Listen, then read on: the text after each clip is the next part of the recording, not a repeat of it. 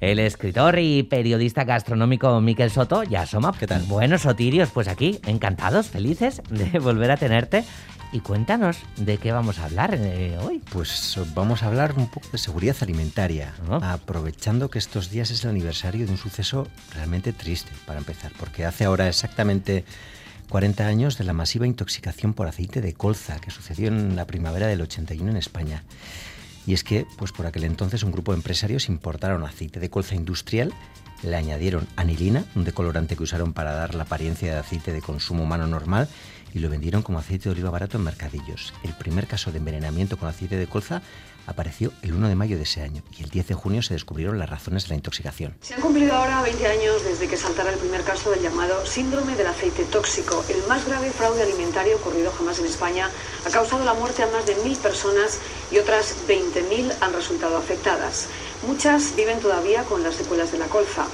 En algunos casos son familias enteras las que aún permanecen enfermas y sufren los efectos del envenenamiento masivo.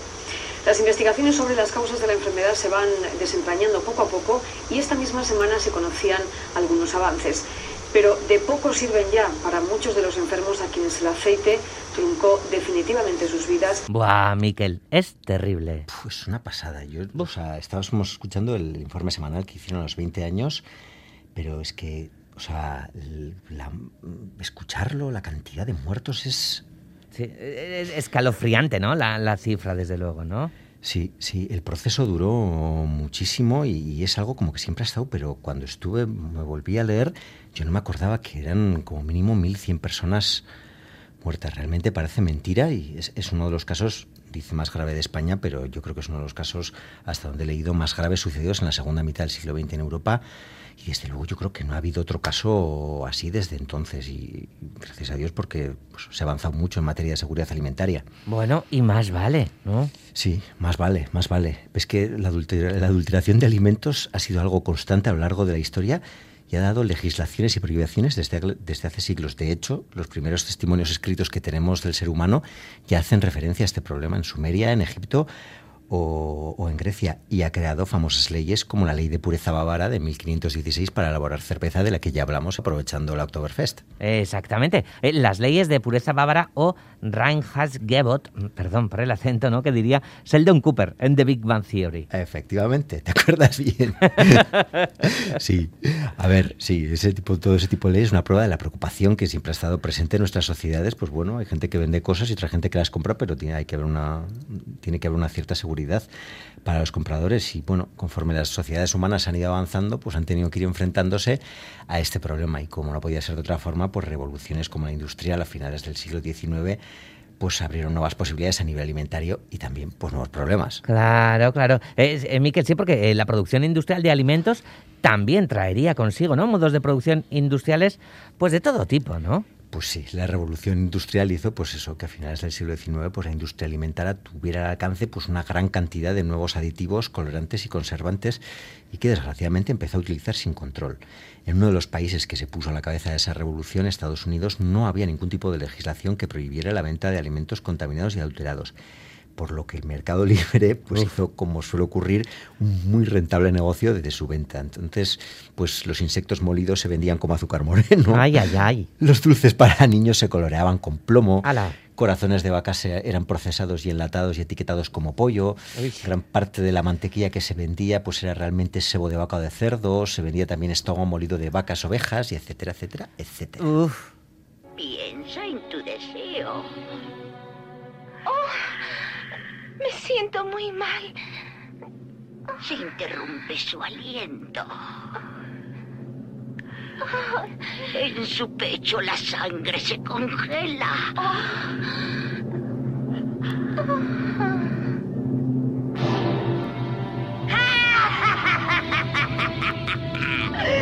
Yo soy ahora la más hermosa del reino. A ver, a ver, o sea, a- la, la bruja envenenando a Blanca Vinieves, yo qué sé, bueno, pues es un Es un cuento. clásico, es, es un clásico, es un cuento mal, o sea, ejemplo bien, no, mal.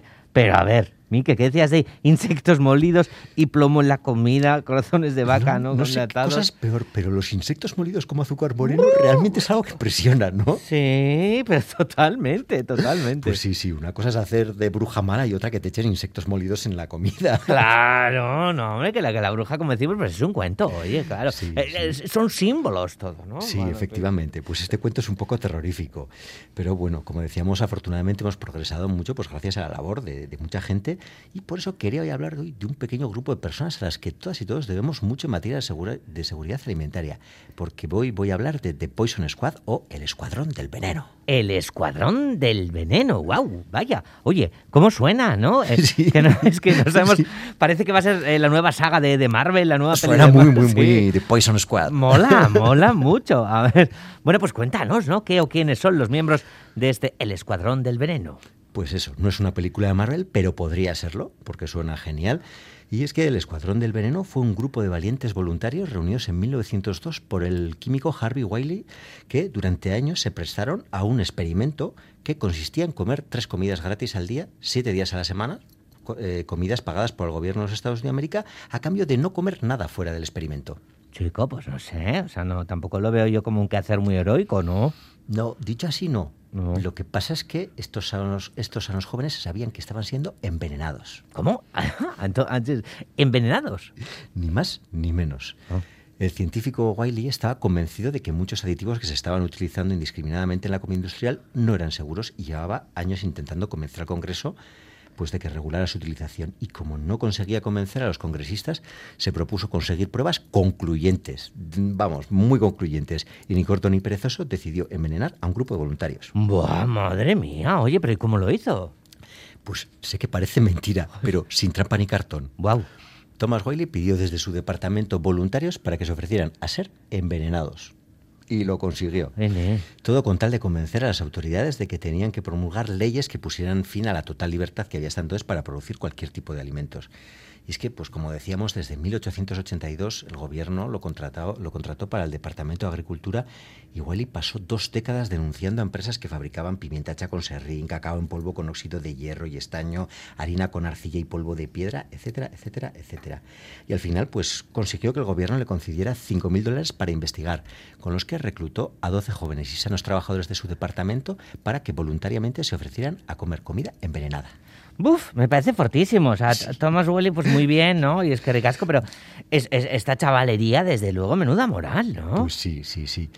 Y hay que decir que a pesar de que los voluntarios sabían que les iban a envenenar, hubo cola para participar en el ¡Hala, venga, experimento. hala!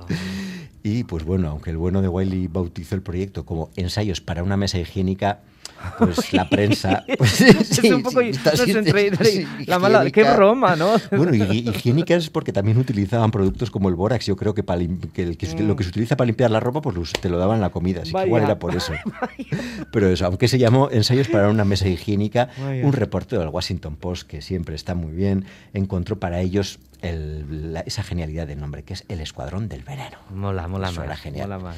Y así, pues estos 12 valientes empezaron a comer pues, comidas muy elegantes, elaboradas por un chef profesional, con el único inconveniente que debían de aceptar que a la mitad de ellos, en un periodo dado de experimento, se les administrara aditivos alimentarios sospechosos que incluían formaldehído, productos de limpieza como el bórax que decía, o ácido salicílico. A ver, vamos a ver. O sea que, eh, sabiendo esto, se sentaban todos los días a la mesa, claro, para ser envenenados, ni más ni menos. Todos los días y como dicen los yankees, 24/7, o sea... sí, sí. El experimento se llevó a cabo, que además es un poco más tétrico, en un sótano de, la que, de la que era por entonces la Oficina de Química del Departamento de Agricultura de los Estados Unidos, donde los voluntarios empezaron en 1902 a ingerir sustancias potencialmente peligrosas. Y así, pues cada grupo de 12 hombres, ya que fueron reclutando más a lo largo del experimento, probaba un conservante y en los cinco años nunca les faltaron voluntarios, que es algo de admirar. Eso me parece flipante, ¿eh? Sí, es Claro. fascinante, es Wow. fascinante. Bueno, ya veremos que luego las cosas empezaron a torcer un poco, Ah, ¿eh? no, me, no imagino, claro, con veneno por medio, ¿no? Sí, pues eso, así que antes de cada comida los miembros debían de pesarse, tomarse la temperatura y comprobar la frecuencia del pulso. También se analizaban las heces y la orina, pues junto con los exámenes físicos eh, semanales, y el objetivo era determinar hasta qué nivel los químicos eran retenidos, expulsados o modificados en los organismos y si algunos de los síntomas que tenían podían ser atribuidos a ellos. Y el caso es que a pesar del riesgo para su salud, todos los voluntarios firmaron exenciones absolviendo al gobierno de la responsabilidad por los posibles efectos secundarios por su participación en el programa, incluyendo hasta la muerte. Bueno, bueno, bueno, bueno, bueno, pero qué mal rollo, ¿no? Sí, sí, sí. Yo no me animo a esta cata. O sea, cuando te invitan a una cata y todo, vaya bien, pero a esta no me animo. No, ni aunque venga marinada. No, no, no quita, quita nada. Marinarlo con ácido sulfúrico es un poco... ni hablar, ni hablar. No queda nada bueno. Wow. No, no, no. A ver, eh, este experimento a día de hoy no pasaría ni de lejos los estándares deontológicos eh, actuales.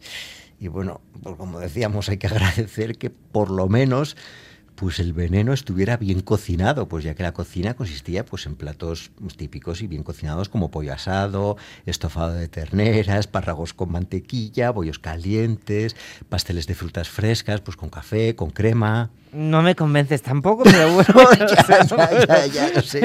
por lo menos, no sé, un poco de consuelo para las coballitas humanas, ¿no? Sí, sí, sí, sí, sí, por lo menos, no sé, yo qué sé, si vas a comer ácido, pues que esté un poco camuflado en el pollo. Sí, sí, es que por muy bueno que estuviera, y espero que sí, pues los platos incluían todos, bueno, todos no, como hemos dicho, la, eh, la mitad de ellos en algún momento, tampoco creo que sabían cuando empe empezaban a ser envenenados, pues incluían una sustancia de prueba elegida por Wiley de una lista de conservantes que él llevaba años denunciando como altamente sospechosa y que se utilizaba, como decíamos entonces, pues en un montón de alimentos en, que se producían de manera industrial. Claro, claro, eh, es lo que antes decías, ¿no? En aquel entonces eh, la industria eh, alimentaria, de todo no sé, pero casi de todo sí que utilizaba, ¿no? O, lo metía en muchos productos. Sí, sí, sí, sí. A ver, imagínate, el primer ingrediente sospechoso, que yo creo que lo tenía entre ceja y ceja, porque aparece en todo lo, en todo lo que he leído sobre el escuadrón del veneno, aparece el primero que quiso, que quiso probar fue el bórax, que es un mineral que a principios de 1902 pues, era uno de los conservantes más utilizados en alimentos y que hoy se utiliza fundamentalmente en detergentes y pesticidas, así como en joyería, pinturas, vidrio y, pues desgraciadamente, desgraciadamente también para adulterar heroína. Y pues evidentemente al poco tiempo se dieron cuenta de que el bórax era causante de numerosos dolores de cabeza, de bajadas de la temperatura corporal, de náuseas y de dolor abdominal. Y claro, pues con esto, con este menú, pues los experimentos fueron seguidos con un grandísimo interés por el público después de que el Escuadrón del Veneno se hiciera popular entre los medios de comunicación. Claro, o sea, que, que, que, el público lo seguía y todo. Es que, Miquel, podríamos decir casi eh, que, que, esto parece un reality, ¿no? De, de, de la época, ¿no? A ver, de la época, y yo no sé si repetiremos viendo cómo se está poniendo la televisión. Ya, ya cierto. Vale. Sí, sí, sí. Nos y... demos ideas, compañero. sí, mejor no, sí, vamos a dejarlo en, en, historias pasadas, sí, sí, porque Wiley pues trató de utilizar el interés de los medios de comunicación después de tantos años eh, peleando por, por, por, conseguir algo en el Congreso, pues, pues trató de, de, darle publicidad a su, a su, cruzada contra las sustancias adulterantes peligrosas. Y tras ver que los periodistas, muy en su papel, se las arreglaban para entrevistar al cocinero por la ventana de los bajos del edificio, dijo, ¡guau, qué tomate! Y empezó a dar a la prensa todos los detalles de su estudio, en el que también examinó los efectos del ácido bórico, el sulfato de cobre, el nitrato de potasio, la sacarina, el ácido sulfúrico o el, formal, o el formaldehído, entre otros. Es nevada. Bueno, contarlo, ¿no? Y luego también eh, estos 12, ¿no? Eh, mira que, ponerse a comer, ¿no? El sulfato de cobre, nitrato de potasio o ácido sulfúrico. Vaya salvajada. Total. sí, sí. A ver, como decíamos claramente, estas prácticas hoy no superan ningún deonto código deontológico ni científico y son reprobables. Lo que pasa es que el bueno de Wiley, pues realmente yo me lo veo bastantico enajenado porque llevaba pues ya un par de décadas peleando con el Congreso y con la industria alimentaria y no le hacían ni puñetero caso, que se suele decir, y pues creo que creyó que era la única manera de mostrar la gravedad del tema y atraer la atención de la, de la opinión pública.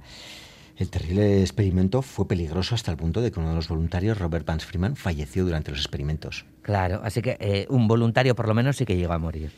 Pues sí, ocurrió en 1906, a los cuatro años del que empezara el experimento, y aparentemente, según los estudios que se han hecho, la causa fue aparentemente la tuberculosis, es decir, que parece que no estaba provocada por los ensayos. Pero ya en mayo de 1903 todo el escuadrón se puso en huelga, porque estaban convencidos de que todos estaban de, de una manera u otra en un lento camino hacia la muerte. Buf, madre mía, es que vaya fuerza de, no sé, digamos de, de carácter, por lo menos, ¿no? Haría falta para, para sentarse todos los días a esa mesa, ¿para qué? Y para ser envenenados. Es que tiene que ser algo terrible. eh, o sea, cuentan que a Hitler también al final se le fue mucho la chaveta con que, con que pensaba que estaba siendo envenenado y las historias de, de las personas que tenían que probar su, su, su comida son también realmente aterradoras y las secuelas que le quedaron. Pero bueno, pues hay que decir que en este caso al final sus esfuerzos y la valentía de los voluntarios dieron sus frutos, ya que en 1907, cinco años después de que empezara el experimento, el Congreso de Estados Unidos aprobó la Pure Food and Drug Act, una de las primeras leyes destinadas a la regulación de los procesos alimenticios. Y es que la Pure Food and Drug Act marcó las bases de las modernas regulaciones alimentarias impidió que la fabricación, venta o transporte de alimentos, medicamentos o drogas adulteradas, mal etiquetadas, venenosas o nocivas. Y obligaba, además, por vez primera, a que se indicara en la etiqueta todos los ingredientes de un alimento y, pues afortunadamente, pues fue copiada por multitud de países y es la base de toda la legislación que tenemos hoy. Bueno, por lo menos aquel esfuerzo, ¿no? Sirvió para algo, Miquel. Pues sí, sí, realmente es impresionante el esfuerzo y el sacrificio de todas estas personas pues para conseguir, como digo, una de las más importantes y completas leyes de seguridad alimentaria del mundo y, como decimos, afortunadamente una de las más imitadas.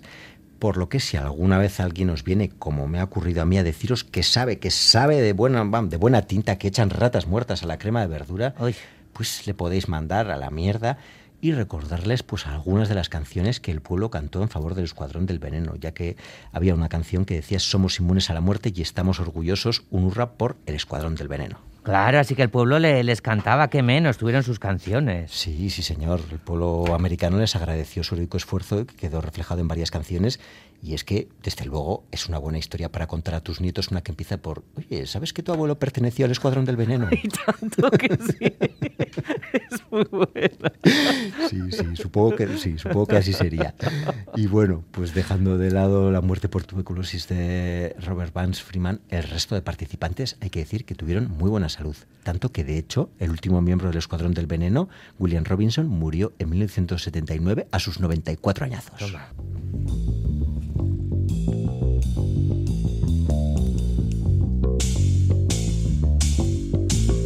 Miquel, ¿qué escuchamos, por cierto? Pues escuchamos a The UK's en The Poison Squad, ni más ni menos.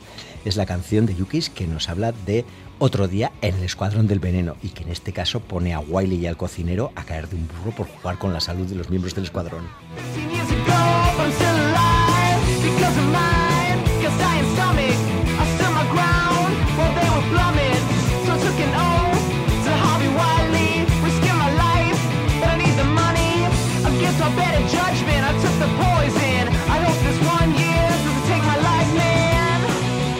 Bueno, Miquel, pues nuestro homenaje ¿eh? ahí ha servido tu Sí. sección de hoy, ¿verdad? A, a toda la chavalería que formó parte de este Poison Squ- Squad, del escuadrón del veneno. Nos llega, pues desde luego, dentro entre mareillo y todo con la historia, ¿eh? Sí, es que rico. Terrible. sí, Nos sí. dicen por aquí, ni trato de comerlo. Varios muy bueno, muy Este me ha bueno. gustado mucho. Y luego también, claro, eh, ha removido también mucho a la audiencia en la sección de hoy. Luego nos dicen por aquí que me recuerda a una serie que estoy viendo. Ah, Serpiente. Bueno, lo que pasa es que en esta serie, bueno, mm, se envenena de otra manera, con fármacos. Ah, ah, Ah, vale. No, no sabía, no sabía, no lo Uy, conozco. Mira, uy, pues es una serie súper interesante, Miquel. Sí. Sí, sí, sí, sí, sí. Pero bueno, no deja dormir bien. Luego también te lo Hombre, que el Borax tampoco dejaba dormir bien por lo visto, ¿eh? te digo. Bueno, pero después de estas historias sí que descansamos mejor. Miquel Soto, Musa Andiba, la Torre Naster Arte. Da, torna a estrenarte, Museo Andibat.